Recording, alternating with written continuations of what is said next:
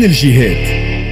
بين الجهات كما قلت غنى الكيف حجز مواد غذائية بقيمة 300 ألف دينار باسم السندي. صباح النور مرحبا بك على موجة إكسبريس إف إم. صباح الخير وسيم. صباح الخير لمستمعينا. بالفعل اذا هي الحصيلة أكبر برشا الحقيقة من العملية هذه لأنه الأيام الأخيرة في ولاية الكاف كانت هناك حملة مكثفة للقضاء على ظاهرتي المضاربة والاحتكار. آه، في مختلف السلع والمواد الاستهلاكية سواء كانت غذائية وغيرها آه، مجموعة الحقيقة من العمليات الناجحة اللي كانت نفذتها مختلف الوحدات الأمنية التابعة لإدارتي إقليم الأمن الوطني بالكيف وأيضا الحرس الوطني بالكيف بالتعاون مع فرق المراقبة الاقتصادية بالتابعة للإدارة الجهوية للتجارة بالكيف أبرز هذه العمليات وسيم يوم أمس كان ثم حجز خمسة أطنان من البقول الجافة والعملية هذه كانت نفذتها آه، فرقة الشرطة العدلية التابعة لمنطقة الأمن الوطني بالكيف وين تم مداهمة مخزن عشوائي في أحد أحياء مدينة الكيف وحجز كمية تقدر بخمسة أطنان من البقول اللي تم حجز حجز فعلي وتحرير محضر في الغرض وإحالتها على أنظار مصالح الإدارة الجهوية للتجارة بالكيف. كيف كيف زاد يوم أمس؟ تم حجز مواد غذائية بقيمة 300 ألف دينار بعد مداهمة زوز مخازن عشوائية والكمية الكبيرة من المواد الغذائية هذه وسيم كانت مخبأة بهدف الاحتكار والمضاربة آه وتم كيف كيف حجزها وتسليمها إلى الإدارة الجهوية للتجارة بالكاس لإعادة توزيعها بالمسالك القانونية.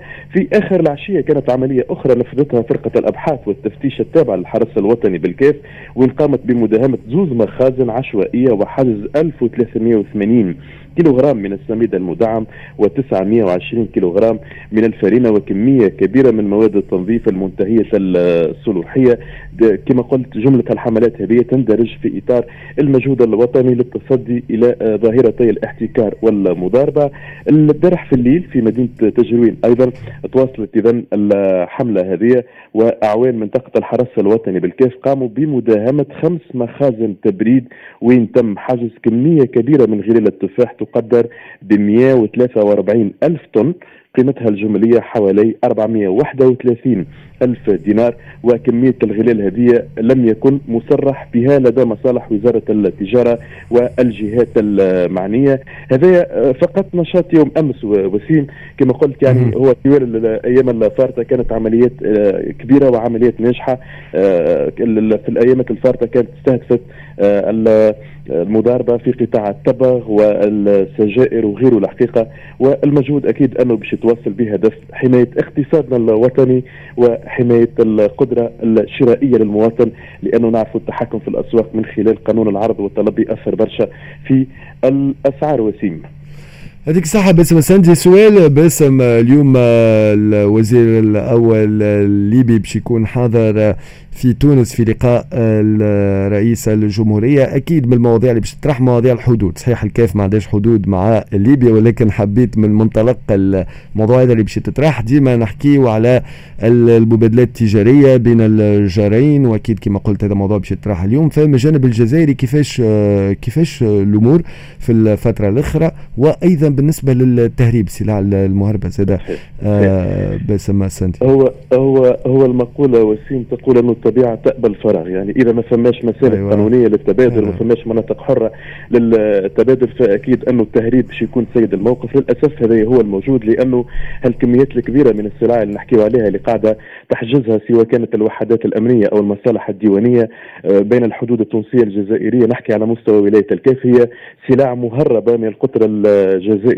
هذاك علاش اذا آه، اليوم ولات الحقيقة ضرورة. صحيح انه ربما جائحة كورونا هي اللي فرضت وحتمت غلق الحدود لكن هذا هو آه، يعني آه، غلق مؤقت. لكن لابد من أن نفكر الحقيقة في تدعيم مسالك التبادل الحر بين الدول المجاورة سواء كانت الجزائر أو سواء كانت ليبيا. يلزمها تكون معلنه وسيم ويلزمها تكون منظمة لفائدة البلدين باش نجموا نخفوا شوية وإلا نقضي ربما في مرحله متقدمه على التهريب اللي قاعد يمشط في المناطق الحدودية حتى رغم الجائحة وسيم حتى رغم الجائحة مسالك التهريب قاعدة تنشط وتنشط بشكل كبير سواء بالنسبة لتهريب البنزين سواء بالنسبة أيضا لتهريب السلع. آه، منذ يومين كان تم حجز كمية كبيرة من المواد المدرسية المهربة ومجهولة المصدر في آه، معتمديه ساقيت سيدي يوسف الحدودية متاتي من القطر الجزائري.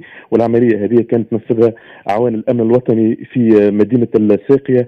كما قلت يعني نشاط التهريب ما نجم نقضيه عليه إلا بخلق وتركيز مناطق للتبادل الحر تكون تحت الرقابة آه لأجهزة البلدين سواء كانت الديوانة أو التجارة أو غيرها الحقيقة من الهياكل المعنية وسيم. واضح باسم سندي يعطيك الصحة آه معطيات مهمة شكرا لك شكرا لتفاعلك معنا اليوم الصباح